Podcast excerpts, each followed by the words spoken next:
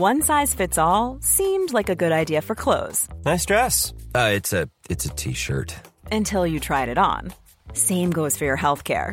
That's why United Healthcare offers a variety of flexible, budget friendly coverage for medical, vision, dental, and more. So, whether you're between jobs, coming off a parent's plan, or even missed open enrollment, you can find the plan that fits you best. Find out more about United Healthcare coverage at uh1.com. That's uh1.com. Hey, it's Ryan Reynolds, and I'm here with Keith, co star of my upcoming film, If, only in theaters, May 17th. Do you want to tell people the big news?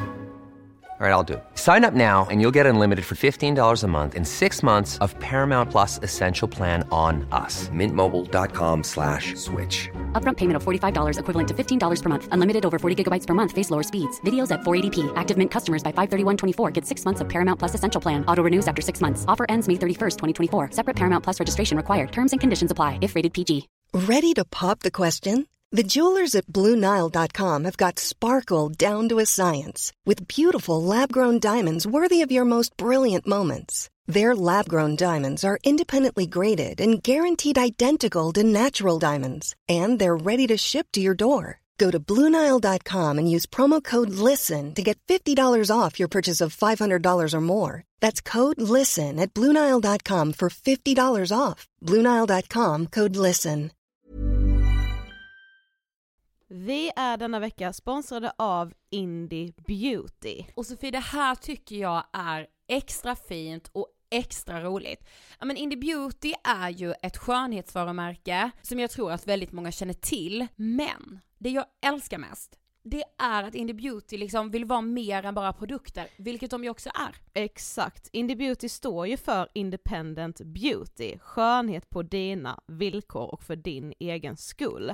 Och Indie Beauty tror ju stenhårt på ett alternativt skönhetsideal fritt från måsten, skam och känslor av otillräcklighet. Där är jag helt med Indie Beauty. Jag med. Det är så jag vill att skönhet ska vara. Ja men verkligen. Och vet du vad som är nytt för i år Sofie? Berätta. Från och med i år så skänker Indie Beauty 1% av sin försäljning till Suicide Zero, Tjejzonen och Djurens Rätt. Så när man handlar produkter från Indie Beauty så kan man liksom känna att man också ger tillbaka till samhället. Ja, kraften i tillsammans. Ska jag säga en sak nu då, Mm. som jag, det, men det är detta jag är extra glad över.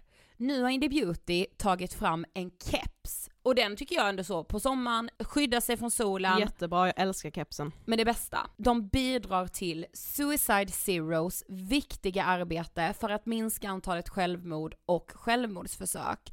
Så för varje såld keps så går hela vinsten, 100 kronor, direkt till Suicide Zero. Då kan man liksom göra nytta både för samhället och sin hud på en och samma gång. Ja, och kepsen kostar 169, men alltså hela vinsten går då som sagt till Suicide Zero. Så om man vill göra skillnad när man är där ute i solen, nu när den börjar titta fram, då ska man välja den här kepsen. Den säljs exklusivt på indiebeauty.se och på Apotea. Tillsammans kan vi skapa en ljusare framtid. Vi ses med kepsarna på! Tack Indie Beauty. Vi är sponsrade av Mindler och som ni säkert vet sedan tidigare så är vi ju ute på psykologresan tillsammans. Men hur vet man egentligen när det är dags att söka hjälp? Ibland uppstår saker i livet som kommer utmana oss och kännas tufft. Det mesta självläker vi oss igenom, för vi är menade att ta oss igenom en viss mängd påfrestningar. Men ibland behöver man professionell hjälp för att ta sig ur jobbiga perioder i livet. Men vart går då gränsen? Vad är en del av livets skavighet och när är det läge att söka hjälp? Det sägs till exempel att stress är farligt, men att också kan vara bra. Alla sover dåligt ibland, så när har man egentligen sömnproblem? Ångesten kommer väl krypande för de flesta någon gång. Så när ska man se ångesten som outhärdlig? Hur vet jag? Med oss som psykolog har vi såklart min gamla psykolog Linnea Seidbrant. Men Linnea, vad är egentligen utmattningssyndrom? Utmattningssyndrom är en konsekvens av svår och långvarig stress utan möjlighet till återhämtning. Vi är ju då skapta för att klara av stress, men vi behöver också återhämtning. Om du utsätts för för mycket stress under en lång period utan att du får till den nödvändiga återhämtningen så kommer kroppen till slut att säga ifrån. Och det är faktiskt så att alla har en gräns. Du kan drabbas av en rad fysiska eller psykiska besvär som trötthet, sömnproblem, hjärtklappning, besvär från magen och tarmarna och mycket annat. Och det här är ju då varningssignaler och tecken på att du kan behöva göra någonting åt din situation. Annars så kan besvären utvecklas till att du mår så dåligt på sikt att du blir psykiskt och fysiskt utmattad. Ladda ner Mindler till din telefon och läs mer på mindler.se.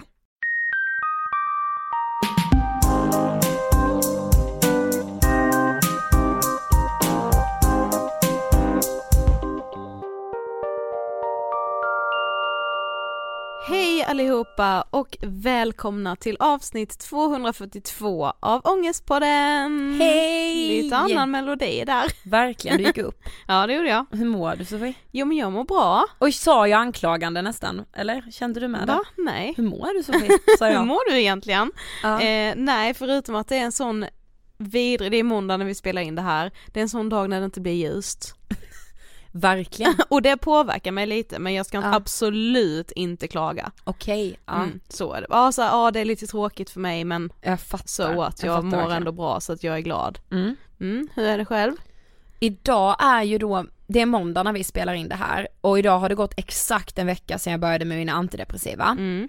Ni vill ju att vi ska prata mer om det och jag tänkte att ni kan verkligen få följa med här i de här små introna vi alltid gör. Mm. Kanske lite på hur jag har mått på dem. Mm. Eh, och nu har det gått en vecka och du vet idag känner jag mig stabil, Mm. nästan. Det väl skönt. Eller det är så som att jag leker stabil. Men då får du inte bli liksom jätte, eller så här, ja, får, du- får du bli, jag kan inte komma med någon pekpinne men det kan ju så ja du känner dig jättestabil idag Mm. och försök liksom vara jättestolt över det men det Mm. kanske kommer något mer bakslag Mm. och då får man inte bli förtvivlad i det. Nej, men det är verkligen sant, jag håller ju på med KBT och hela den Ja, grejen. Men det ska ju faktiskt också sägas att nu i talande stund mm.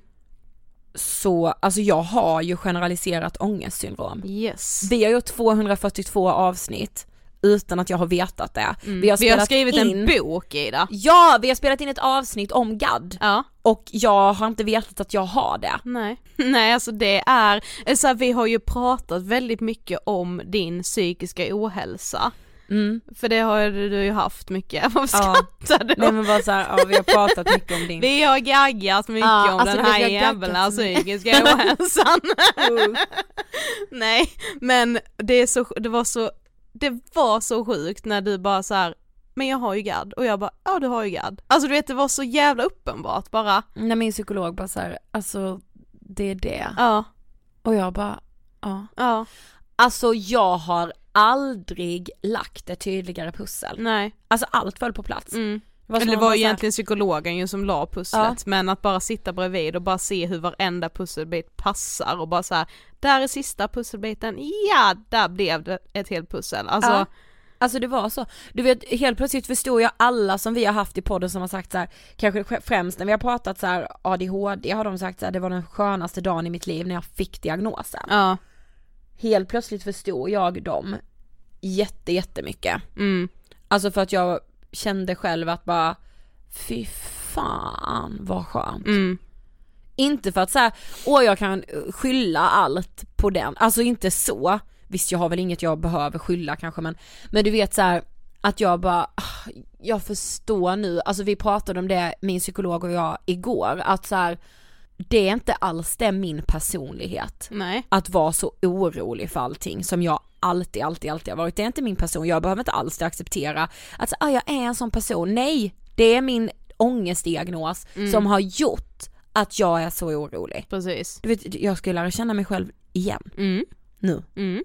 Och det får ju jag med göra på ett sätt, alltså Mm. inte så att jag inte känner dig. Nej. Nej det är en främling jag sitter med här nu för Nej, att du nej. fick din diagnos. Ja. Men alltså så här, och det är ju heller att Alltså och vissa kanske det är en lättnad att kunna gömma sig bakom sin diagnos, det är inte heller fel menar jag inte. Men att så här, jag tror att det viktiga är väl att få en förklaring på varför du har fått dina återkommande ångestperioder när det har varit liksom ohanterbart. Mm. Eller varför du känner så stark oro. Alltså så här, Varför jag har de här jävla muskelspänningarna som att jag vore 70. Precis, Alltså- och varför, jag har ju alltid tänkt att så här, Alltså jag har jättemånga gånger tänkt, utan att säga det till dig såklart, för man vill liksom inte stressa någon som mår dåligt eller såhär ligga på och bara ah, men fattar du inte vad det är liksom, du måste komma till kärnan. Men jag har ju tänkt det bara så här, det, det är någonting som missas, annars skulle det inte komma tillbaka hela tiden. Alltså så här, men varför är är det så mycket oro eller ångest? Alltså så här, men det måste inte finnas en, jag har ju ändå tänkt att det har funnits en punkt med någonting som skaver utan att du har vetat vad det är. Men det behöver inte göra det, Nej. för har man GAD så det behöver inte finnas en anledning, det är liksom en, en ångestdiagnos som gör att ång, alltså oron bara kommer till en Ja. utan de här liksom egentliga anledningarna. Ja, det behöver precis. inte vara någon underliggande grej från barndomen som ligger och skaver. Nej alltså, exakt. Precis. Det var För det jag försökte säga. Ja, det känns bara skönt liksom. Mm. Så just nu så mår jag liksom helt okej. Alltså man är ju omtumlad också när man har liksom perioder där det är så jävla tufft att leva liksom. Mm. Alltså typ i förra veckan så hade jag liksom en dag där jag bara såhär, jag måste räkna minuter. Mm. För att bara så här andas igenom, ta sig igenom och det är ju läskigt. Mm. Alltså det är läskigt att må så jävla piss. Mm. Jo men tänk att du idag kan räkna timmar istället. Ja. Eller kanske en hel dag. ja, i timmar blir det för jag har lite KBT-övningar hela dagen liksom. Men, ja. Ja, mer om de KBT-övningarna senare i Ångestpodden. Verkligen cliffhanger. Vi har ett betalt samarbete med Systembolaget och det har vi för att vi tycker det är så viktigt att prata om kopplingen alkohol och psykisk ohälsa eftersom den kopplingen många gånger finns. Och jag skulle säga att jag har, alltså jag har lärt mig så mycket de senaste månaderna. Ja det är helt sjukt. Om liksom, du vet så här. Ett, ett ämne som alkohol har man Mm. väl ändå, alltså det har ändå varit med den eftersom vi själva ju dricker alkohol, det Mm. är vi ju helt öppna med och Ja. det här, vi gör ju inte det här samarbetet för så här, sluta dricka alkohol med massa pekpinnar, Nej. utan mer bara så här att upplysa och Ja men jag tror och hoppas att ni som lyssnar också har lärt er med oss om varför vi har monopol på alkohol, varför det är så viktigt att våga prata om alkoholkonsumtion utan att vara rädd för att trampa någon på tårna. För det skulle jag säga att liksom det viktigaste tycker jag med det här samarbetet, det är samtalen.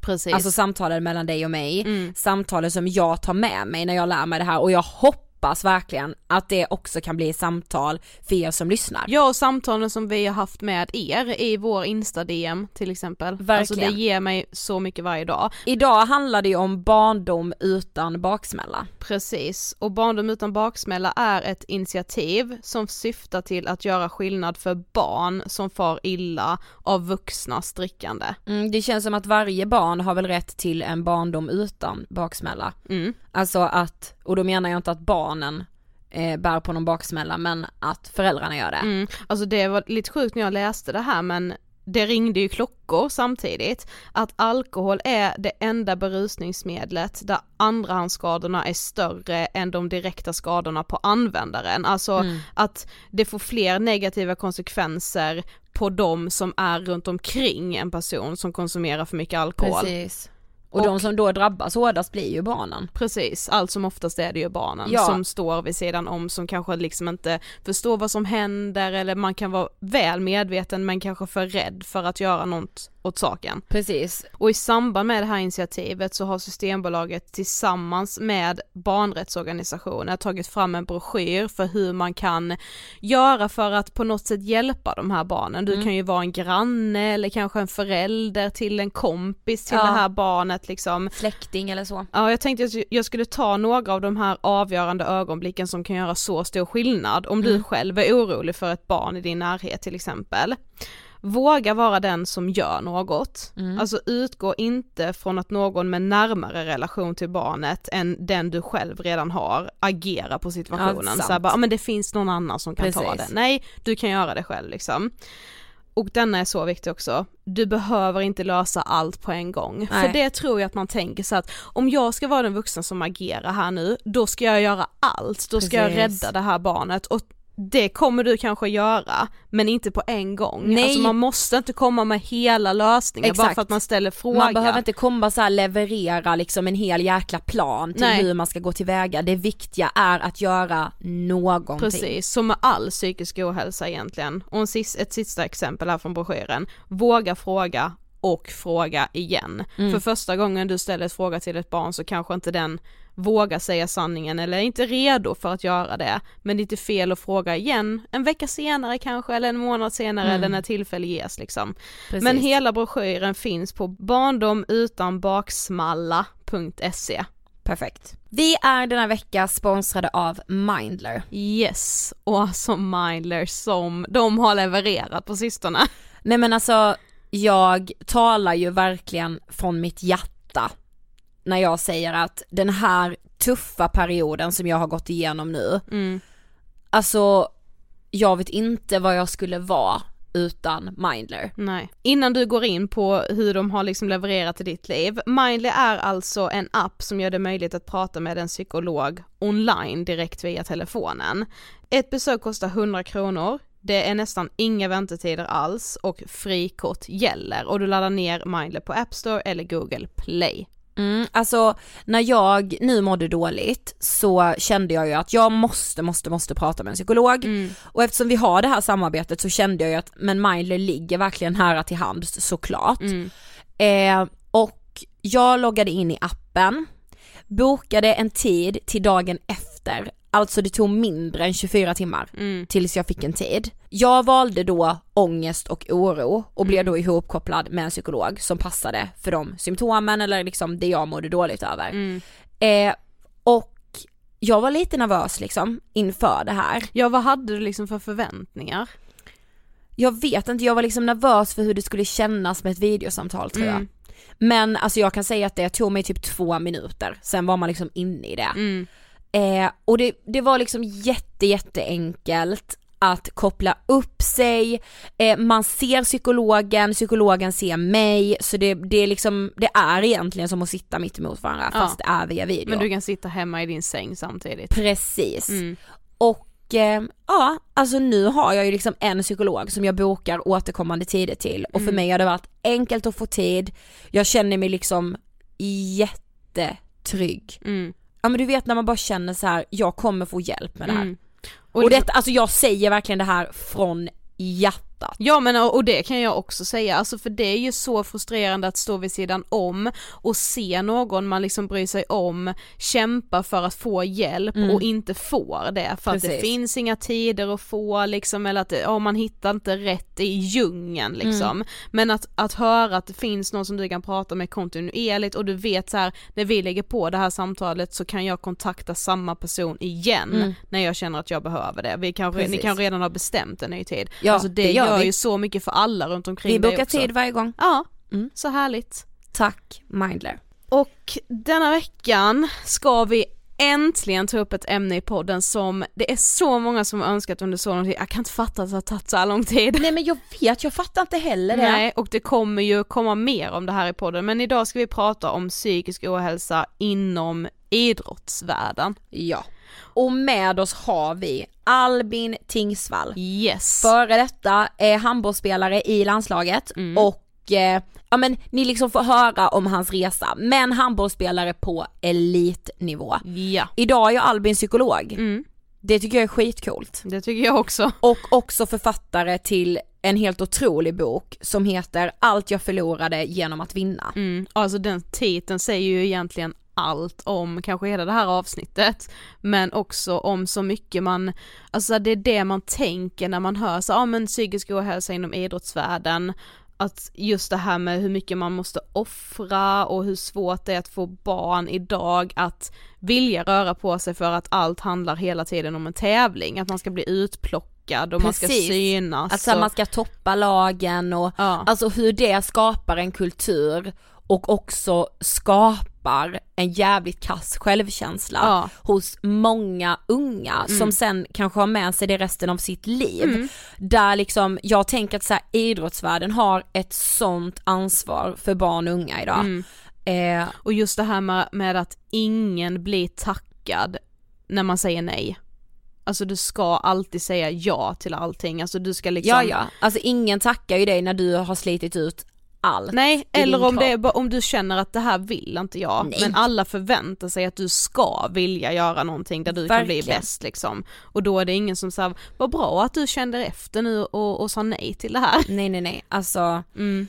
jag ser fram emot att vi ska prata ännu mer om det här i framtida Mm. eh, avsnitt och så himla glad att Albin är med i det här avsnittet. Mm. Så vi rullar intervjun med Albin Tingsvall. Varsågoda!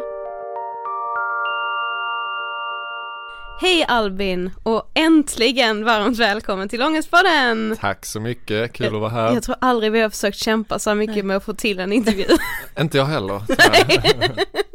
Nej det är helt sjukt, som vi sa nu precis innan, typ i höstas liksom. Ja.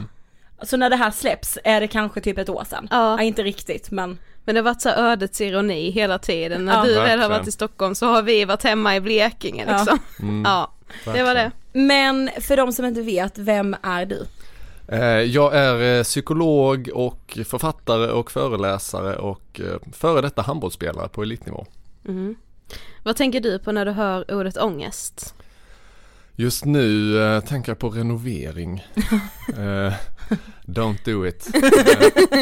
Eh, det, jag har hållit på mycket med det på sistone och eh, gud det kan man verkligen få ångest av. Ja, det känns väldigt ångestladdat. Ja. Ja herregud, saker som ska bli färdiga i tid och som inte blir det och tusen val som egentligen inte är viktiga men som man tänker eh, kommer att avgöra ens framtid och så vidare och så vidare. Men eh, ja, annars tänker jag väl mycket på mitt jobb såklart som psykolog där jag stöter på mycket, mycket ångest i, i olika former. Mm. För visst jobbar du som skolpsykolog? Mm, precis. På, alltså fast på en skola då eller är du liksom på, Nej jag, jag är på flera skolor, jag sitter Ja. i en, en central elevhälsa som det heter och så är jag, är jag runt på flera skolor. okej. Ja. Men idag så ska ju vi, för vår del är det så här äntligen prata om psykisk ohälsa och idrottsvärlden. Eh, för vi sa ju det till dig nu här innan att vi har liksom inte gjort det innan och det känns ganska sjukt, så över 200 avsnitt. Det är lite dåligt. Ja, vi har knappt varit och nuddat det. Men du har liksom spelat i handbollslandslaget och varit en framstående idrottsman i Sverige. Eh, och dessutom så är du författare till, nu ska vi se så jag säger rätt, Allt jag förlorade genom, nej vad, vad heter Jo, den? det Säger jag rätt. rätt? Allt jag förlorade genom att vinna. Mm. Eh, och den ska vi såklart prata om, vi kommer in på den. Men vi vill börja i din barndom, vi gör nästan alltid det med våra gäster. Mm. Eh, var växte du upp? Jag växte upp i Vittsjö, en, en liten by i norra Skåne. Eh, Gustaf Fridolin kommer därifrån. Ja, det, det brukar vara liksom eh, Ja. det folk Just det, folk och han har också gästat Han har varit med i. Ångestpodden. Ja, ja, då är ni hemma med det. Ja. Ehm, där växte jag upp, en, en liten by på 1500 invånare ungefär. Med eh, mamma, pappa, två äldre syskon. Men hur skulle du säga att din uppväxt var? Jag skulle säga att jag hade en, en bra uppväxt. Det var väldigt eh, tryggt i byn. Alla kände alla. Det var liksom, eh, ja men det fanns en familjär känsla. Jag kände mig väldigt liksom hemma där. Mm. Ehm, och, och idrotten var ju en, en stor del av, av min uppväxt. Mm. Eh, det fanns inte så mycket att göra ute på landet. Så det man gjorde var mycket att hålla på med idrott. Det fanns eh, fotboll, det fanns friidrott, det fanns golf i grannbyn. Fanns det handboll som jag sen eh, kom att ägna mitt liv åt till stor Mm. del. Så.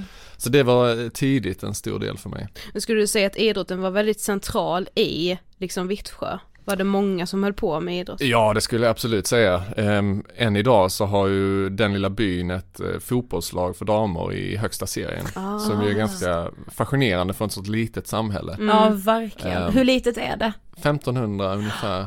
Shit. Mm. Ja. Eh, Nilla Fischer som ju ska spela eh, Ja, VM-match ikväll. idag. Ja, just Hon är ju också från krokarna va? Ah. Eh, V-rum utanför Vittsjö, förorterna va? Okej, Så, okej. eh, ja, det, nej men det finns jättemycket idrott där omkring. Ja. Ja. Men varför blev det liksom just handboll för din del då? Ehm, jag tror nog att det var det jag tyckte var roligast helt enkelt. Eh, jag höll på med jättemånga olika sporter under hela min uppväxt egentligen. Ehm, och, och fram till, eh, jag tror jag valde handboll egentligen kanske på gymnasiet först. Ehm, så det var nog inte alls givet att det skulle bli så. Och Nej. sen så det öppnade sig dörrar där och jag liksom insåg att bara wow men här, jag skulle kunna liksom fortsätta med, med det här på en högre nivå. Mm. Men vad skulle du säga att handbollen betydde för dig, alltså under tiden du ändå gick i skolan? Eh, Alltså handbollen och fotbollen och friidrotten och allt det andra innebandyn betydde ju liksom ett, ett sammanhang och en, en trygghet och ett umgänge med kompisar och liksom någon sorts eh, nav i hela vardagen egentligen. Mm. Ehm, det var det alla gjorde och det var där man hade sin, eh, i alla fall jag hade liksom en så stor del av min identitet. Mm. Gud men jag, kan, jag tror ändå så här, alltså jag kan känna igen det du säger även om jag absolut inte har spelat liksom fotboll som det var för min del på någon hög nivå. Men det här med att få ett sammanhang i det, att det var ju liksom, det var ju en så stor del när jag växte upp fotbollen och det tror jag det är för väldigt många, kanske inte minst i så här mindre städer eller mindre orter och sådär. Ja verkligen. Men alltså något som vi tänkte på som är intressant, så här, idag är du ju psykolog, alltså hur kan du, alltså hur tänker du att så här, handbollen präglade din uppväxt? Ja, men jag tänker dels att man lär sig massa saker inom, inom idrotten. Ehm, jag lärde mig det här att liksom att vara i en grupp och att ta hänsyn till andra och att liksom jobba mot ett mål tillsammans och liksom massa sådana här nyttiga positiva egenskaper som man fick träna på väldigt mycket. Ehm, och sen tror jag också man, jag lärde mig liksom att Ja men att kämpa för saker, att veta att vill man liksom åstadkomma någonting, ja men då måste man också anstränga sig och, och sånt där som också är ganska rotat i, i idrotten.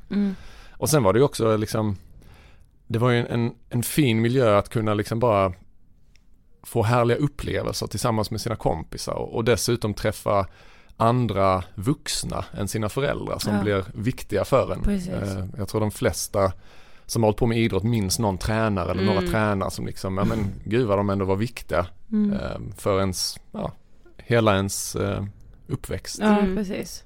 Men när du var 19 år, alltså typ precis efter du hade tagit studenten, så får du ett samtal från Hammarby handboll som då ville värva dig. Mm. Vill du berätta, så hur, hur var det? ja det var, ehm, det var en ögonöppnare tror jag. Ehm, att jag på allvar liksom ehm, insåg att bara oj men jag kommer kunna ha en, en karriär eh, inom det här liksom. Hade Jag- du inte tänkt den tanken? Jag hade väl tänkt tanken och det hade liksom, några klubbar hade hört av sig tidigare och jag hade väl liksom börjat inse att oj nu är jag en, en talang här liksom. Nu, nu är jag någon som folk, som folk vill ha. Mm. Eh, men Hammarby var ju vid den tiden svenska mästare eh, flera år i rad och man hade liksom Staffan Olsson som gammal handbollslegendar som, som tränare och sånt. Så för mig var ju det liksom, eh, ja men verkligen ett, eh, ett jättestort erkännande när de hörde av sig. Mm. Det, jag tycker det är så, eller så här, det är så målande, man ser det framför sig när du skriver i boken, för då är du och några kompisar till dig och tränar på det här gymmet där ni, Mm. ni köttar verkligen där och så får du det här samtalet. Var det liksom, alltså kändes det nästan overkligt? Ja men lite så. Eh, bara tanken på att det var nog först då det liksom verkligen slog mig som, som sagt att bara, men shit jag, jag kommer kunna göra det här nu. Jag kommer kunna flytta hemifrån och jag kommer, kommer kunna jobba med att spela handboll. Eh, det var nog då liksom den poletten eh, trillade ner helt tror jag. Och det var ju en fantastisk känsla. Men hur reagerade din omgivning? Alltså där och då, nära och kära liksom? De blev jätteglada och väldigt uppmuntrande och tyckte liksom att wow, ja men det är klart att du ska ta den här chansen liksom. Ja. Eh, Så jag fick bara stöttning och, och, och hejarop och liksom så positiv feedback på det. Mm. Men hur, hur, kan du ändå typ beskriva så hur det var att känna sig så utvald? Ja, alltså det är det som, som är det märkliga och, och framförallt på senare år när jag har liksom läst mycket forskning om det här och är ute och föreläser om det här att, att det laget som jag spelade i då i Åhus i division 2, Mm. jag tänkte ju aldrig att jag var liksom något speciellt jämfört med alla de andra. Jag tyckte det var liksom många i det laget som var, som var lika duktiga som jag. Mm. Men det var väl liksom någonstans då som den här godtyckligheten slog mig att bara okej men nu har någon valt ut mig och de andra får inte den här chansen. Eh, De kommer inte få den här möjligheten att försörja sig på att spela handboll. Eh, Och jag kommer ihåg att jag tänkte det liksom just att men hur kommer det sig att det blev just jag eller vad godtyckligt ändå är att det blir så här att jag har blivit utvald. Eh, Absolut, den, den känslan fanns där. Så, du- för jag tänker så här, alltså hade du inte känt typ i laget att så här, jag är lite bättre eller så här, jag tränarna, det är ändå jag som är liksom viktigast i Jag får Alltså, alltid vara med typ- från start. Det är så liksom. jag föreställer mig att så här, de som blir proffs har alltid varit den i laget som är stjärnan. Ja men jag tänker bara på hur det var när vi spelade fotboll, Ja. man visste ju ändå alltid vilka som skulle få vara med i startelvan Ja, liksom. ja, alltså det var ju alltid samma och det var så här, det skulle ju vara, alla skulle reagera om någon av de bästa spelarna då i mina ögon inte hade fått vara med och börja, Ja. då hade det varit så här, är hon skadad eller är det någonting Mm. liksom, alltså Jo men det är klart att jag liksom, jag fick ju spela mycket och liksom det är klart att jag kanske var bland de bättre i laget och hade Mm. den känslan själv också att jo men det här går bra för mig liksom. Mm. Men jag, jag tror också att ehm, man är så van vid att det är en, en lagsport och handboll är ju väldigt mycket också en, en lagsport. Eh, att just då bli liksom så här individuellt utplockad, jag, jag tror inte riktigt jag var liksom van vid det. Och Nej. dessutom hade jag ju aldrig varit någon talang som barn. Nej. Jag hade ju aldrig varit den här eh, barnstjärnan som man ofta tänker som ja, är liksom en precis. supertalang från sju år och Ja, som alla För de liksom finns ju pratar om. alltid också av någon Visst. sjuk anledning. Alltid minst en barnstjärna i varje liten varje liksom liten, by ja. där det är så alla snackar om den här lilla ungen som Ja, kommer kunna precis. bli världsbäst. Absolut och, och tyvärr liksom om man ser med, med facit i hand så är det ju det är ju inte alltid att de lyckas för att pressen blir så hög och det finns så mycket förväntningar från vuxenvärlden medan Mm. en sån som jag kunde liksom växa till i lugn och ro eh, helt Mm. utan den här pressen att ja, men du måste vara bäst eller du måste prestera och så vidare. Mm. Och jag tror det gynnade mig jättemycket sen. Mm. Gud vad intressant det är ja. Ja för det är verkligen som du säger Sofie. Oavsett sport finns det alltid den här stjärnan liksom Mm. i och då är man det när man redan är sju år och det redan då så här, åh jo men man hör liksom det här hela tiden om att man på något sätt ska prestera. Mm. Och, alltså man blir lite tudelad i det för på något sätt är väl det jättefint, alltså jag minns bara så här eh, en kompis till min lillebror som var jätteduktig på fotboll och det blev så här, men när han skulle spela match då ville ju till och med mina föräldrar gå dit bara för att titta på honom och det visste han också om. Alltså det är väl jättefint att det kan väcka så mycket känslor men kanske också väldigt mycket press på den här lilla pojken som var typ då 7-8 år liksom. Mm. Det är ju så det lätt kan bli. Ja, Och, och det finns ju det finns ju många exempel på det där om man tittar på liksom, ja men vilka är det som är de här utvalda stjärnorna Mm. som barn? Så är de ju ofta födda tidigt på året. mm. Så de är ju lite äldre än Ja. sina liksom eh, lagkamrater. lagkamrater Ja, så helt ja. enkelt. Så man, man säger ju ofta det i forskningssammanhang och sånt där att om vi, om vi försöker välja ut talang tidigt, ja men då hittar vi bara de som är födda tidigt. Kollar man i liksom ungdomslandslag och sånt där så är det jättemånga spelare som är födda typ januari till april. Oj vad intressant. Va det är så intressant. Ja, Och jag är då född på nyårsafton. okej. Men hade du, det måste jag fråga med, alltså under liksom dina ungdoms, alltså när du var liksom i tidiga tonår eller ännu yngre, 10-11 år, hade du den där stjärnan då? Alltså i ditt lag som inte var du? Ehm, det var nog ingen som var liksom så enskilt Nej. superstjärna men det fanns väl liksom en handfull som var så här, ja men de här är de bra liksom. Eh, Så tror jag det var. Men, k- men tänk, kan ni inte tänka det, alltså så här, oavsett vilken ålder man är, att man bara vet det kan ju få en att känna, för jag var verkligen inte den som var så här: okej men no- den, den, den bästa liksom, de här fem i laget som är någon, några slags nyckelspelare, att det är så redan när man är åtta år, alltså jag var ju medveten när jag var så ung om att, nej jag är inte en av dem. Mm. Och, det, och det tänker jag, det säger ju någonting just om hur stark den här prestationskulturen är. Hur starka de här normerna är att man ska, dels att man alltid ska prestera så bra som möjligt men också att man lite ska veta sin plats och att man är så bra Ja. på att jämföra sig med andra. Och det tror jag följer med upp i i vuxenlivet också, om man kollar på vilken arbetsplats som helst så tror jag att folk har järnkoll på vilka som eh, presterar bra och inte och så vidare. Och så här, att, att behöva acceptera att man inte är en nyckelspelare typ. Men på tal om prestation då, du bestämde dig ändå för att eh, flytta till Stockholm och börja spela med Hammarby. Hur hade du det med prestationsångesten då? Alltså den perioden innan jag flyttade upp, eh, den minns jag som ganska jobbig. eh, Just eftersom, som jag sa, jag hade aldrig varit någon talang som barn. Jag hade aldrig varit uttagen på zonläger eller talanggrupper eller Skånelag eller sånt här.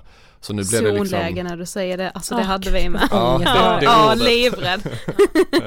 Ja, nej men så, så jag hade ju, jag hade ju verkligen eh, ingen erfarenhet eh, och, visste på något sätt att det här steget från division 2 till Sveriges bästa lag skulle bli jätte, jättestort. Mm. Eh, och jag hanterar väl det liksom genom att bara försöka träna och träna och träna. Eh, tror jag för att försöka förbereda mig så mycket som möjligt. Men var det, pratade du inte om det med någon? Nej, inte direkt. Eh, och, och det är väl en sak som jag skriver lite om i boken också, just att när man har blivit utvald och, och när man får leva den här drömmen som så många Mm. har så, så förväntas man liksom vara ja, men befriad från tvivel och liksom att må Mm. dåligt och, och alla uppmuntrar en bara och är jätteglada för en skull.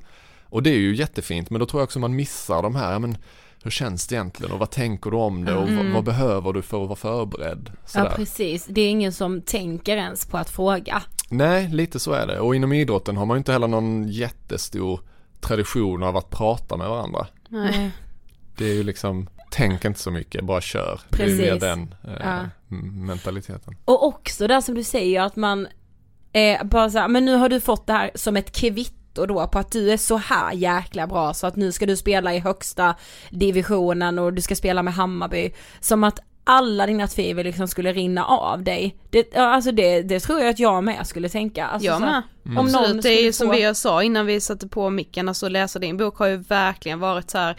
Gud jag har verkligen öppnat ögonen Mm. helt och bara tänkt tillbaka på min egen liksom period av att träna, hur lite man har pratat om känslorna liksom. Men du skriver också i boken just att, så här nu har vi varit inne på det lite men vi tyckte liksom just det ordet var så målande på något sätt för du skriver att liksom det var första gången du kände att du var ett löfte. Mm. Kan du utveckla det lite? Ja men det var väl just den här grejen att som barn och som ungdom, man jämför sig alltid med andra. Mm. Men man, man har inte så mycket att gå på liksom att så här, ja men eh, jag är väl okej liksom, jag är väl ungefär som alla andra sådär, hoppas jag klarar mig typ. Mm. Ehm, men skillnaden i det här var ju att det kom någon utifrån liksom, någon med erfarenhet och någon från en högre division och sa att nej men du är vad vi behöver, liksom, du är vad vi letar efter. Ehm, och jag tror det är väldigt sällan man får den eh, bekräftelsen. Och när det hände så, ja men jag gjorde mina första liksom eh, intervjuer i lokaltidningen och, och då börjar man ju prata just om ord som löfte och Mm. talang och liksom du får eh, den identiteten. Mm. när Det är rubriken händer. liksom. Ja men precis. Mm. Eh, men hur var det sen då när du väl flyttade upp till Stockholm och började spela i Hammarby? Jag trivdes jättebra. Det var en otroligt fin eh, sammanhållning i, i laget och i klubben. Sen Mm. var det rätt så kaotiskt runt omkring med, med ekonomi och med saker som inte funkar sånt där. Men stämningen i gruppen var jätte, jättefin.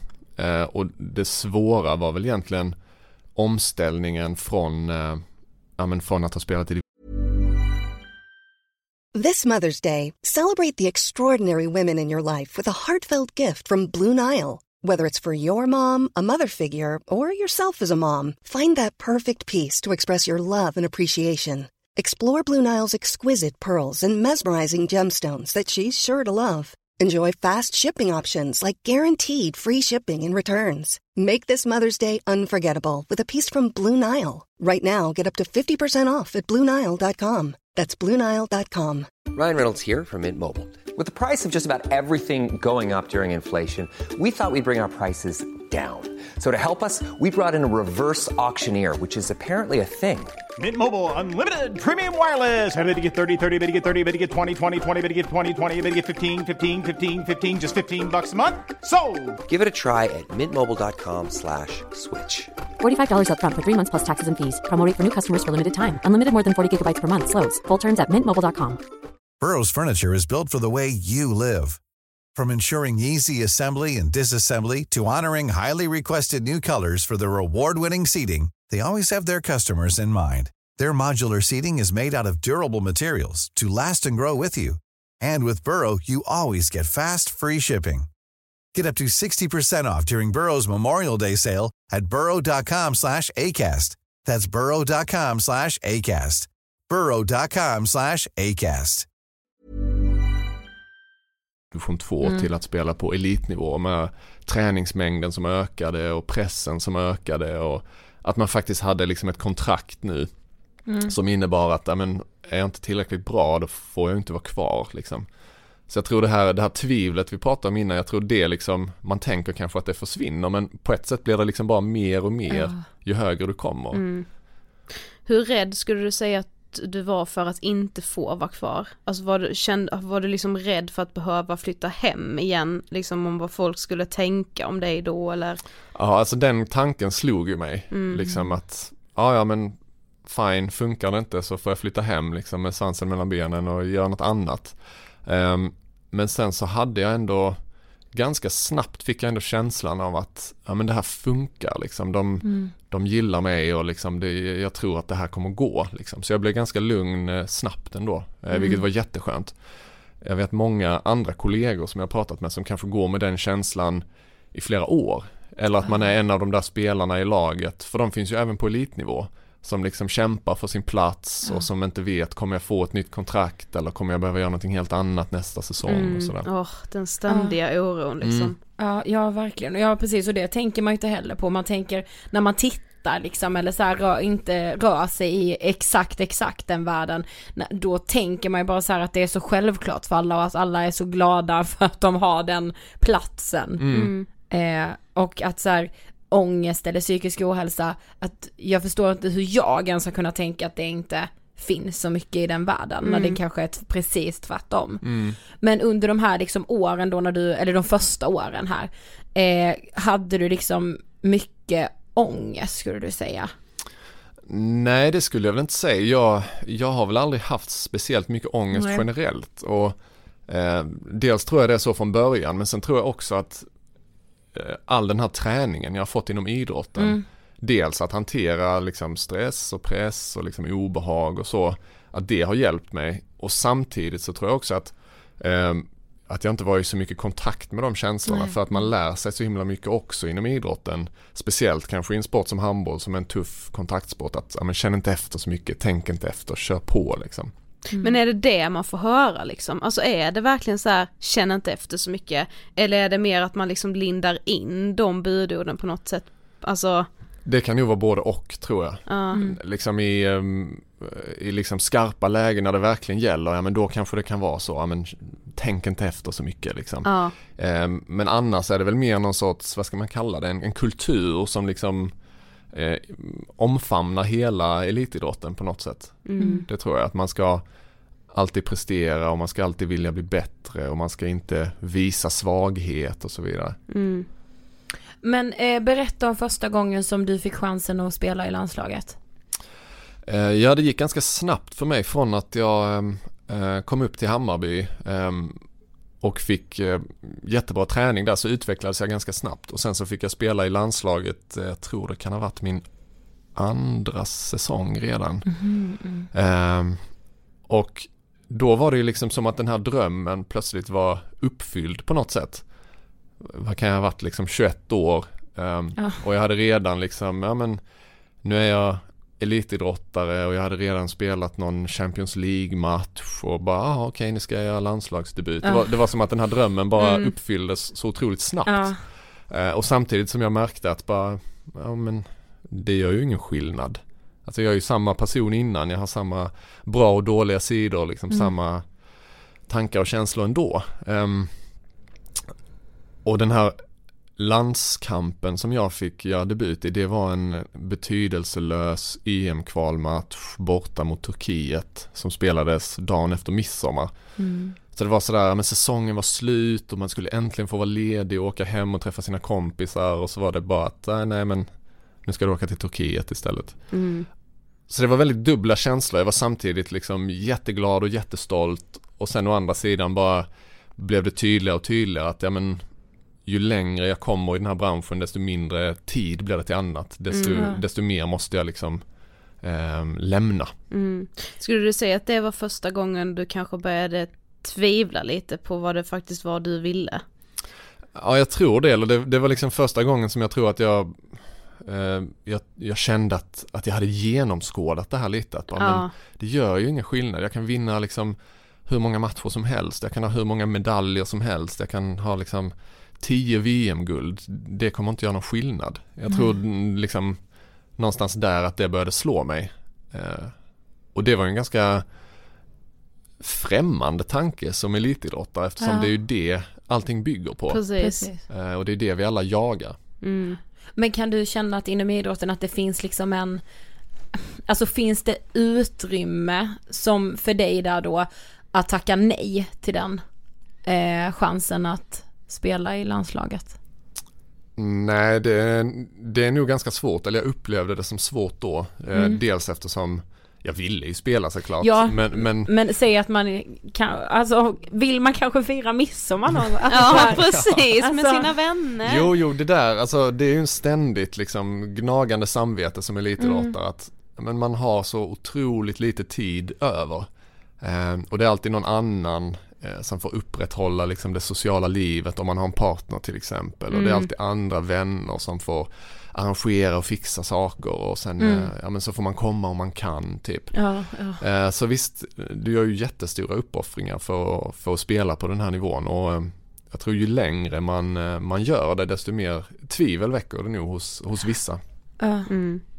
Men sen fick du till slut frågan om att vara med under EM 2014. Men då var första gången du vågade tacka nej. Mm. Berätta.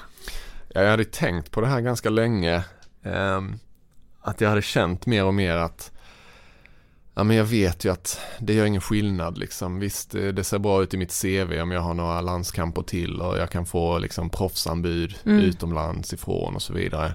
Ehm, och samtidigt ja, men är det, är det enda anledningen till att jag ska spela så väger den kanske inte så högt eh, jämfört med att kunna vara hemma, eh, kunna vara ledig. För mästerskap och landskamper ligger ju alltid på eh, datum som är, annars är lite mer lediga. Ja, just att ligor och sånt har uppehåll. Ja. ja just det. Ehm, så ehm, nej det var ett svårt beslut men jag valde ändå till sist att, eh, att tacka nej till att spela EM. Eh, och jag ville liksom hellre göra färdigt mina studier och så här eh, på psykologprogrammet. Mm. Eh, och jag tror det var första gången som jag på allvar insåg hur mycket känslor elitidrott väcker. Att det här lilla beslutet, jag var ingen stjärna i landslaget, jag var liksom en, en dussinspelare där. Eh, att, att det växte så mycket känslor, det, det skrevs liksom eh, ehm, debattartiklar om det här och det var hur många intervjuer som helst kring att jag hade tackat nej. Du var lite landsförrädare där ett tag Ja va? men eh, lite så, Ja. det blev liksom ett stort uppslag om det i media och Ja. sen samtidigt så var det jättemånga som hörde av sig till mig eh, privat och sa liksom men vad bra att du, Ja. att du vågade göra det här och att du valde din egen väg och sånt. S- så jag tror att det fanns många också som tror jag kände att det var lite befriande. Mm. Ja, verkligen. Mm. Men ja, men det är ganska så här sjukt hur, hur det blir som att det är liksom jag, jag bara tänker nu på för inte alls länge sedan när eh, eh, i fot, herrarna eh, fotbollslandslaget Victor Nilsson Lindelöf. Ja. Det blev ju något otroligt, hans fru var gravid och de visste inte när eh, hon skulle föda och han tackade väl nej då eller hur det var. Till Och det en match. blev- Du det är väl blev ett liksom- jävla liv. jag tänkte, men herregud det kan ju inte betyda någonting i jämförelse med att han ska bli pappa. Ja precis. Men ändå blir det liksom, det skrivs och det ska intervjuas och det är Och det är liksom- så här, nej men fick du också liksom så här för det vet jag att man skrev om honom då att så här var otacksamt. Alltså han borde vara tacksam ju som, som får spela liksom och som är utvald. Man, s- men jag tror man lätt glömmer bort som åskådare till elitidrotten att så här, man, man glömmer bort att det är ju ett jobb egentligen som vilket jobb som helst. Ja. För vi Ja. är där som för att bli underhållna liksom. Mm. Jo men jag, den känslan eh, har jag haft väldigt mycket under min karriär också. Och även när jag skrev hela den här boken så var ju det liksom en, en utmaning för mig själv också. Men liksom, vem är jag att klaga liksom? Jag har haft en, en jättefin idrottskarriär, jag har spelat i landslaget, jag har kunnat tjäna pengar på det här liksom. Ska jag nu sitta här och, i 300 sidor och gnälla över hur hemskt det var? Ja. Eh, men, men jag tror samtidigt att, att det är viktigt för det Ja. finns alltid den där förväntan på oss idrottare om att vi ska vara eh, så nöjda över vår utvaldhet och vi ska liksom leva upp till alla de här normerna av att vara någon sorts nationalhjälte. Liksom. Eh, och då är det svårt att bara vara en vanlig människa också, precis som du sa att ja, men det är klart att han ska vara där när, eh, när han, hans barn föds. Ja, precis. Och så här att elitidrottare så här gladeligen ska spela om det är jul eller det är midsommar och så här skit i familj och släkt och vänner. Alltså att det så här nästan förväntas, det är ju egentligen helt orimligt. Och jag känner så här, det är väl jättefarligt att vi liksom så här när en sån kultur ska liksom alla unga människor bara så här i generationer slussas in i det. Det är klart att det sk- skapar ohälsa. Det känns liksom självklart när jag ser det så. Ja verkligen, det, det blir ganska effektfullt om man, om man tänker att ja, men elitidrott är ett yrke som alla andra. Om man då tänker vilka, vilka förutsättningar det finns jämfört med en vanlig arbetsplats. Jag var ju sällan liksom så intresserad av idrott på min fritid. Jag kollade aldrig på matcher liksom. Utan jag ville bara så här, ja men när jag är ledig vill jag göra något annat. Ja. Och det var ju också någonting som många tyckte var lite konstigt. Typ hur kan du inte vilja titta på handboll när du kommer hem på kvällarna och så.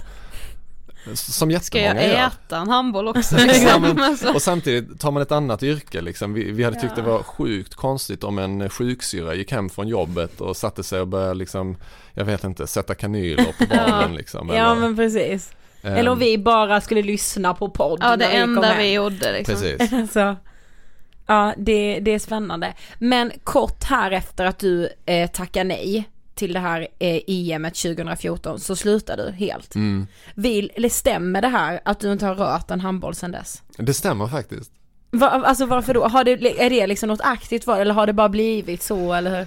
Nej men i, i början var jag, var jag nog så trött på, eh, på handboll, jag var trött på elitidrott, jag var trött på de här liksom eh, snäva maskulina normerna att man ska liksom alltid kämpa på och så vidare.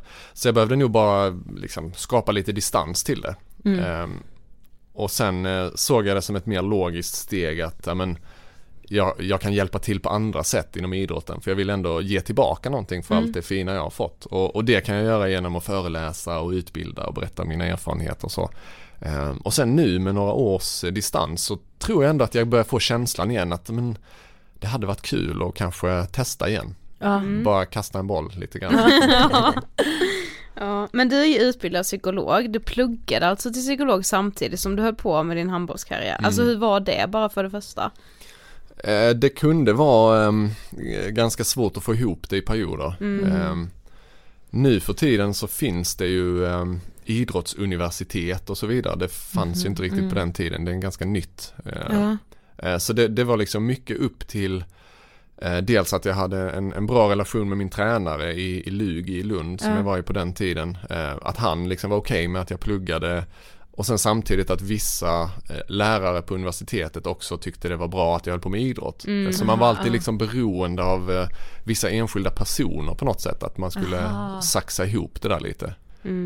Men skulle du säga att det är så generellt, alltså är inställningen inom elitidrotten att säga jo men utbilda dig eller är det så här, nej du ska inte hålla på med någonting annat? Det har nog varit mycket tidigare liksom att du ska inte hålla på med något annat. Vill du bli liksom bäst i världen så måste du satsa bara på idrotten. Men nu har man liksom på senare tid och med liksom forskning i ryggen också kunnat se att ja, men, idrottare som utbildar sig samtidigt är mycket mer skyddade mot det här svåra att sluta när liksom karriären är över och de kan till och med prestera bättre under karriären. Så, så jag tror det börjar slå om mer och det här att man har startat sådana här riksidrottsuniversitet och så vidare är ju liksom ett, ett tecken på att det ändå håller på att ställa om och det är jättebra. Jag visste faktiskt inte det att det fanns universitet som var liksom Nej jag visste, trodde, alltså gymnasiet Ja, har jag ju gymnasiet vetat vet liksom. man ju. Mm. Men det, det är ganska nytt och det, Ja. det är väl under utbyggnad nu. Liksom. Ja, Ja. gud vad bra. Så det ska bli lättare. Men i din bok så fokuserar du ju mycket på det här med hur lite plats det finns för känslorna i idrottsvärlden. Mm. Skulle du säga att det är så i alla typer av idrotts, liksom, grenar eller vad man säger? Nej men jag, jag tror att eh, många idrotter liksom bär ju på ett ganska liksom så här, hårt maskulint arv. Att de växte fram ur någon sorts liksom soldatideal att så här, men vi ska ha unga starka män som kan försvara nationen. Och man ska alltid ställa upp och så vidare. Eh, och det syns ju jättetydligt fortfarande i språkbruket och man pratar om eh, anfall och försvar och kaptener och divisioner och värvningar. Det är liksom ett, ett väldigt militärt språkbruk. Ehm, och jag tror att det såklart påverkar liksom vilka känslouttryck som är okej och inte. och sen ser det nog väldigt olika ut inom olika sporter. Det finns liksom olika subkulturer och så. Mm. Ehm, men in, inom handbollen som ju är en ganska liksom fysiskt tuff sport så med liksom mycket kroppskontakt och så vidare. Där eh, finns det väl absolut en kultur av att man ska vara hård och liksom bara tåla mycket. Mm. Ja, och jag tänker att det liksom, alltså just som du, du är inne på med, så här med språkbruket. Alltså hur det är med bara är så här, som att det är helt okej. Alltså att man kan använda allt ifrån liksom bög som ett skällsord eller kärring och all, allt det där. Och att det bara så här har år efter år. Mm. Så liksom har det bara tuggats på. Mm. Utan att någon riktigt liksom har ifrågasatt det. Liksom. Nej precis och, och det är väl något jag jobbar mycket för nu att, att försöka Ja. liksom slå ett slag för att öka utbildningsgraden egentligen i hela idrottsrörelsen. Eh, för det ligger ett så otroligt stort ansvar på tränarna. Mm. Att liksom de ska vara goda pedagoger och de ska Mm. vara psykologer och de ska kunna jättemycket om sin sport och de ska vara chefer och arbetsledare allt i ett. Mm. Och samtidigt får de sällan så mycket utbildning. Nej. Utan det är ofta en, en gammal spelare som har varit duktig på att spela och bara ja men då gör vi dig till tränare. Och sen Ja. är det inte så mycket mer med det. Ehm, så, de får ju rätt taskiga förutsättningar att, att klara det här jättesvåra uppdraget. Ja, Ja, ja det är så sant. Ja, man bara tänker, och lite så här i, ute i småstäderna, då är det någon eldsjäl som tycker att det är väldigt roligt med en viss Ja. sport och bara, jo men du är nog en bra ledare, vi kör liksom. Mm. Ja. Men skulle du säga att finns det något tänk på hur man pratar, alltså allt ifrån hur man uttrycker sig mot varandra eller hur man liksom pratar om att kanske inte orka allt inom idrotten. Alltså finns det ett tänk på hur, alla de sakerna gentemot unga idag? Det ser nog jätteolika ut i Ja, olika föreningar och liksom beroende på vilken, vilken kompetens man råkar ha just i, i sin förening.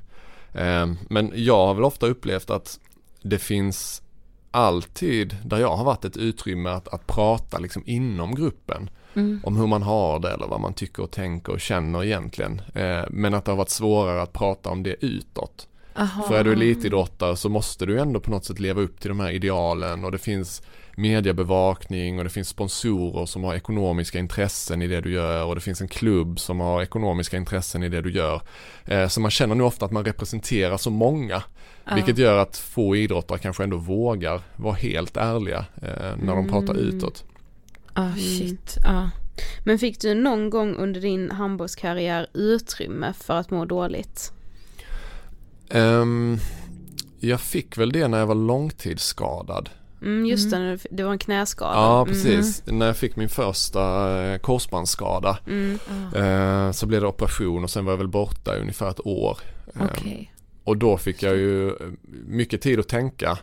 Ehm, och samtidigt, då ringde min tränare också och frågade liksom, "Men, hur är läget? Så hur mår du? Och det var väl egentligen första gången det hände. Mm. Ehm, Sjukt att det skulle behövas en korsbandsskada bara för att någon skulle ställa den frågan. Ja och då, och då tror jag han hade själv varit med om och haft en liknande korsbandsskada själv så jag tror han visste lite vad det handlade om. Ja, Eh, och det blev ett ganska liksom, det var en jättefin gest men det blev ett ganska trevande samtal för varken han eller jag var nog speciellt vana vid just det här att prata om hur man egentligen mår eller, Mm. eller så. Ehm, så. Så då började jag väl tänka ännu mer på det här just liksom att det ändå är ganska begränsande normer och att det finns ganska lite stöd. Vi är ofta jättebra inom idrotten på fysiska Ja. delar. Att liksom eh, lappa ihop ben och senor och lägga upp träningsprogram och ja liksom så fixa rehab liksom. Och, Gud ja, det finns ju hur mycket som helst. Men på liksom den psykologiska och mentala sidan så är vi ju mycket, mycket mer utsatta. ja. Mm. Ja, jag tänkte på det, alltså så alla lag, alltså som är på någon slags elitnivå har ju liksom en läkare. Mm. Det känns ju så här, det är ju helt självklart. Men långt ifrån alla har väl en psykolog med sig liksom. Nej, absolut inte. Och jag tänker, om, om jag liksom ser tillbaka på mina år som elitidrottare så var det ju hur många gånger som helst som jag gjorde liksom eh, konditionstester, styrketester, rörlighetstester, hjärtscreening, allt möjligt. Mm. Eh, Men inte en enda gång gjorde man någon sorts liksom, psykologisk bedömning eller man hade något samtal Mm. kring livssituationen i stort eller hur man mår eller vad Ja. man eventuellt behöver hjälp med. Mm. Eh, Så det finns liksom en så otrolig prioritering av fysik fortfarande. Trots att vi liksom när vi pratar elitidrott eh, och liksom vilka som vinner en match så pratar man ju om vinnarskallar Ja. och mental Ja. inställning och Var- kunna hantera nervositet. Det är ju alltid psykologiska egenskaper. Ja, Men ändå så, pratar man inte om det. Ja, ja, eller samma sitt, ja. Det är så sjukt. ja, Mm, det finns en eh, kunskapslucka där skulle ja jag säga. verkligen. Ja. Men om man lyssnar på det här och vill verkligen satsa på sin idrott. Eh, alltså hur tycker du att man ska tänka, alltså för att inte lägga sitt värde i sina prestationer? Oj, ja det finns ju massa saker man kan tänka på. Det första tänker jag är att komma ihåg att idrotta för att det är roligt. Det är liksom det viktigaste. Även om man tar sig till elitnivå så måste man tycka att det är kul och att det är liksom anledningen till att man håller på. Ehm, en annan sak som är viktigt att tänka på är att inte ha för bråttom. Eh, är man ung och vill satsa på idrott eh, så behöver man verkligen inte vara någon superstjärna som barn eller tonåring för att kunna bli bra eh, som vuxen. Det är jättemånga som är som jag som inte alls är talanger som barn och sen blommar ut ganska sent och man får växa i, i fred liksom. Så jag tror det är jätteviktigt att komma ihåg att är man inte bäst i laget när man är 15 så behöver inte det betyda att man inte kan bli duktig på sin idrott. Mm. Så eh, ta det lugnt, liksom ha tålamod och idrotta för att det är roligt. Det är, tror jag är en bra grund i alla Ja. fall. Mm, verkligen. Men vad har du fått för respons på din bok från eh, andra alltså idrottare som har läst den? Jag har faktiskt fått jättefin respons. Eh, jag tänkte lite mm, liksom när den gavs ut att bara men det skulle nog kunna vara en och annan som kommer liksom hugga till på det här men jag har faktiskt nästan bara fått eh, jättefin positiv respons. Mm. Många som säger att ja, men, åh, jag tänkte exakt sådär också eller vad, vad bra att du satte ord på det här. Det har liksom hjälpt mig att kunna lägga av med min karriär på ett bra sätt och så vidare. Så det, det har nästan varit de finaste eh, betyget jag hade kunnat få. Mm. Ja, eh, och är det då från alla olika idrotter? Många gamla handbollskollegor Ja. såklart men även andra idrottare som har hört av sig och sagt att de känner igen sig. Så jag tror att mycket av de här frågorna är liksom lite universella Mm. oavsett vilken sport man håller på med. Jag sa de finns där hela tiden i alla men det är ingen som sätter ord på det liksom. Mm. Det är så sjukt. Men om du säger, alltså i det stora hela, alltså vad skulle du säga att så här, svenskt idrottsliv har för utmaningar? Ehm, ja men det finns ju utmaningar om att, att höja utbildningsnivån liksom i hela idrottsrörelsen. Att, att, att försöka bli mer eh, vetenskapliga i, i det vi gör. Det finns ju jättemycket forskning eh, kring hur man har en sund barn och ungdomsidrott och hur man har en sund elitidrott. Och det svåra är väl att liksom få den från institutionerna ända vägen ut till sidlinjen så det blir någonting man använder. Mm. Och sen så är det ju en utmaning också med socioekonomisk status, eh, att få ut idrott till de som kanske behöver det mest. Man ser ju ofta att de som lyckas inom idrott är de som kommer, som jag gör, från bra bakgrunder, med, lever med båda sina föräldrar i en villa och liksom har en hyfsat ekonomiskt ställt och så. Mm. Eh, Så det finns ju en väldig liksom utslagning där. Ja. Och sen har vi ju det här sist men inte minst det här problemet med toppning. Eh, att det är många som lämnar idrotten med liksom en dålig eftersmak för att man inte riktigt har blivit eh, behandlad så bra. För man har liksom på något sätt tyckt att andra har varit större talanger eller mer värda och satsat på dem. Eh, och det tror jag är en stor risk att vi får en mer liksom stillasittande befolkning i Ja, allmänhet. verkligen. Ja. Alltså, Men, men jag, men så här, jag googlade lite på det efter att jag hade läst om så här med toppning och så i din bok. För du skriver bland annat om någon studie som föräldrar har varit med och svarat Mm. på. Det var helt sjukt, så här barn, alltså när de är 6, 7, 8 år. Mm. Det är ju helt, alltså jag skrattar liksom till för att jag blir så här.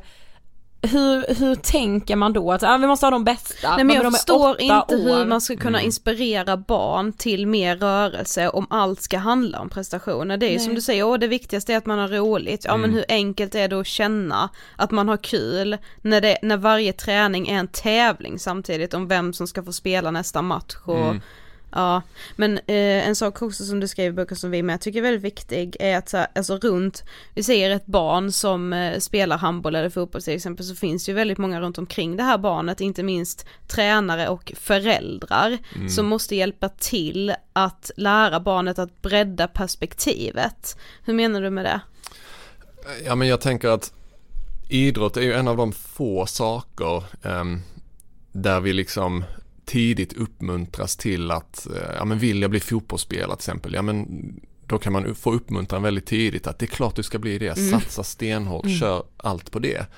Ehm, och det är ju jättefint och ofta Mm. gjort med liksom goda intentioner. Ja. Men risken blir ju att man har hela sin identitet inom idrotten och samtidigt rent statistiskt så är det så otroligt få som faktiskt lyckas Mm. bli elitidrottare. Eh, och har vi då inte vidgat perspektiven att vi har visat på att ja, men, det finns andra saker som också är intressanta Ja. och du kan göra detta och detta också vid sidan av din idrott. Så riskerar vi att få en ökad psykisk ohälsa för att det är många som sållas bort längs vägen och inte har något att falla tillbaka på och kanske inte så många andra intressen och så vidare. Mm. Eh, Så det handlar egentligen om en, en, ett folkhälsoperspektiv tänker jag. Mm, verkligen. Verkligen. Ja men det är så sant. Okej, vi har kommit till sista frågan. Vad inspirerar dig? Oj. Ehm, det kan vara allt möjligt. När det gäller de här frågorna så inspireras jag jättemycket av att vara ute och på skolor till exempel och träffa idrottande ungdomar som går på idrottsgymnasium och höra Mm. deras tankar och frågor. ehm, och märka liksom att de tänker på precis samma saker Mm. som, som jag tänkte på Ja. när jag var i den åldern. Eh, och det inspirerar mig jättemycket och att då kunna känna att ja, men, jag kan faktiskt ge dem lite hjälp och lite vägledning och, och lite stöd eh, Mm. på den resan de har framför sig. Mm. Tack så jättemycket för att du vill gästa Ångestpodden. Tack så mycket. Ja. Mm. Alltså jag kunde ju bara relatera till, inte för att jag har haft den idrottskarriären som Albin på långa vägar, men det sjuka är att jag har spelat fotboll för att jag tycker det är kul och ändå har upplevt så mycket av det han säger. Ja, alltså Just vi det här med att bli uttagen till zonläger och det var ditten och datten Ja. liksom. Jag måste bara ännu en gång tipsa, tipsa, tipsa om den här boken. Ja. För att liksom få en inblick i hela idrottsvärlden och alltså om man någon gång har hållit på med idrott, har barn som är i idrottsvärlden, är i idrottsvärlden själva, alltså den här Man boken är obligatorisk läsning. Ja, det borde det vara. Allt jag förlorade genom att vinna. Mm. Ni hör ju bara titeln är briljant. Mm. Och egentligen, jag kan ju minnas så här väldigt tidigt när jag kanske hade spelat fotboll i några månader bara, jag var ju liten när jag började spela fotboll, typ så här trean liksom, Mm. på lågstadiet. Eh, hur vi kunde ha så här någon gång efter någon träning så skulle det komma någon så här kostrådgivare bara för att så, det är jätteviktigt att barnen liksom äter bra när de tränar, så här, har med någon frukt eller något direkt efter träningen och sen är det hem och äta ordentligt och du vet hela den. Men precis som med allt annat, ingenting om det psykiska. Det Hur ska vi nej. må i det här liksom? Då är det så här, okej hur ska jag stänga av mentalt? Precis. Hur ska jag kunna maxa Mm. mentalt? Alltså Ja. så här, inte bara så här, hur mår jag? Ja. Hur fan mår jag? Ja, och Nej, bara, jag ska, tycker- vi, ska vi ha roligt på den här matchen nu som är idag? Ska vi liksom, det är klart att det är jävligt viktigt att känna att man vill vinna och man vill ju det när man står där på planen. Ja. Men just det här med att det är, det borde vara det sekundära när man bara är barn. Alltså hur kan det vara så viktigt med vinsterna liksom? Men också så här, fan vad Albin är bra på att prata om det. Ja. Jag vill, alltså han föreläser ju mycket. Mm. Men alltså jag vill att han ska föreläsa för alla. Mm. Alltså verkligen. Mm. Speciellt ute i idrottsföreningarna. Tusen tack Albin för att du ville komma och gästa Ångestpodden. Mm. Tusen tusen tack. Ja det här måste bli ett återkommande tema. Ja det behöver det bli. Idrottsvärlden. Definitivt. Välkomna till Ångestpodden hela idrottsvärlden. Ja, nu ska vi börja prata ångest där det är Ja. som hårdast. Jag vill verkligen bara säga en sak med Sofie till våra lyssnare angående när de önskar gäster och så. Ja. Vi kontaktar jättemånga Mm. men nu på senaste, vi har fått så många nej. Ja det har vi. Folk säger nej till nästa Ångestpodden. Ja. Jag blir kränkt varje gång. Jag blir Det är kränkt därför du måste säga det här ja, och så blir jag arg. Ja. blir jag blir så här, va? Vad gör du då? Vad ska du göra då istället? Det Tänker, kan ju faktiskt vara att de bara inte, ha tid. precis, Mm. då ska man säga nej. det har väl vi ändå Nej, sagt där för då kan det vara så här, då ser jag dem ploppa upp på andra ställen. Ja då, det är kanske för att de redan taggat ja Fast vet du vad jag tycker? Nej. Detta kan jag får jag bli, ja, nu får jag fråga dig då, nu, Ja. nu är du liksom domare här, Mhm. nu är du allmän jury. Eh, eh, säg så här, och detta med, man ska liksom inte hugga mot andra kvinnor, detta låter jättefel. Mm. Men jag får bara fråga dig om jag får bli irriterad på detta. Mm. Kvinnor går ut och säger så här, kvinnor ska backa kvinnor. Mm. Kvinnor ska stå på barrikaderna tillsammans. Mm. Ja, tänker jag. så tackar de nej till vår podd. Mm. Sen ser jag att de tackar ja till framgångspodden och Värvet där det är killar som intervjuar. Ja, Får jag bli arg då? ja du får bli irriterad. Mm, tack. Mm, och får, jag tycker med man får bli irriterad om folk tackar nej till saker men man får inte liksom anledningen. Alltså det är bara så här: nej. Mm. Jaha okej, ja jag hade gärna fått höra varför. Mm. För då hade jag typ kunnat Alltså hellre att den bara mig så här, det. för de, hon tycker din... Ni suger. Ja, hon tycker er podd är ganska dålig. Ja, Alltså mycket hellre det. Ja, Okej, ja för du gillar Värvet mer då eller ja precis. Jag accepterar det. Ja. Men jag tycker inte du ska profilera dig som en person som stöttar kvinnor när du säger nej till kvinnopoddar. Ja, Fattar du? Jag fattar helt Jag profilerar mig ju inte heller som den personen att jag liksom skulle säga därför tackar jag också nej till kvinnliga. Mm. Nej jag skojar. Ja precis, jag gör ingenting för någon. Speciellt inte för kvinnor. Nej, Jag nej skämtar. Men du fattar, då Ja. kan det liksom väckas någon, Det är OK. då blir, blir jag argbigga Mm. så att säga. Ja, men tack till alla er som tipsar om gäster. Ja. Eh, det finns ju en liten lista med gästtips i vår Facebookgrupp, Ångestpodden vi pratar vidare. Dit får man gärna ansöka om ett litet medlemskap, kostar ingenting, helt Nej, gratis. kostar ingenting, det krävs att man svarar på tre kontrollfrågor bara. Ja, annars blir man inte insläppt i gruppen. Och också att man då lägger till olika alternativ där så kan alla vara med och rösta vilka gäster, fast vi gör inte den här podden bara vi två. Nej, Vi har ju den mer liksom. absolut. Och prenumerera gärna i podcastappen. Ja, Och man kan ju även lyssna på oss på Spotify. ja det är fan otroligt ändå att man kan börja lyssna på poddar på Spotify. Det Ja. gillar jag. Men du, alltså ibland ska, idag vill jag bara påminna mig själv om att så här, vi skäms aldrig för hur vi mår. Nej, det jag skulle, för, alltså förra veckan, nej för två veckor sedan när ditt dåliga mående verkligen briserade igen. Mhm. Det var väl ingen du undvek att berätta det för? Nej. Det ska du ta med dig. skrek det till folk. Mm. Och nästan varje timme sen för att jag bara gud alltså. Men du vet, där kommer man igen och ska ansvara för allt. Ja, Liksom. precis. Skit i det. Mm. Ja, ha det bäst så nästa hörs vecka, vad ska vi prata om nästa vecka? Det får ni se, det blir spännande. vi. Mm. Håll er. Puss puss puss! Hej då!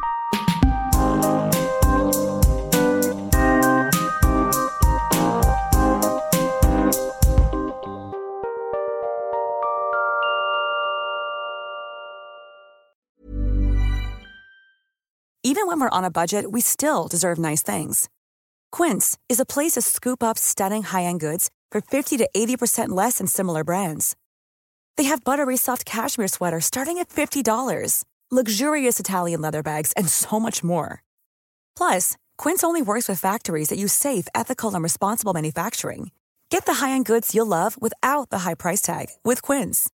Go to quince.com slash style for free shipping and 365-day returns. Mom deserves the best, and there's no better place to shop for Mother's Day than Whole Foods Market. They're your destination for unbeatable savings, from premium gifts to show-stopping flowers and irresistible desserts. Start by saving 33% with Prime on all body care and candles. Then get a 15-stem bunch of tulips for just $9.99 each with Prime. Round out Mom's menu with festive rosé, irresistible berry chantilly cake, and more special treats. Come celebrate Mother's Day at Whole Foods Market.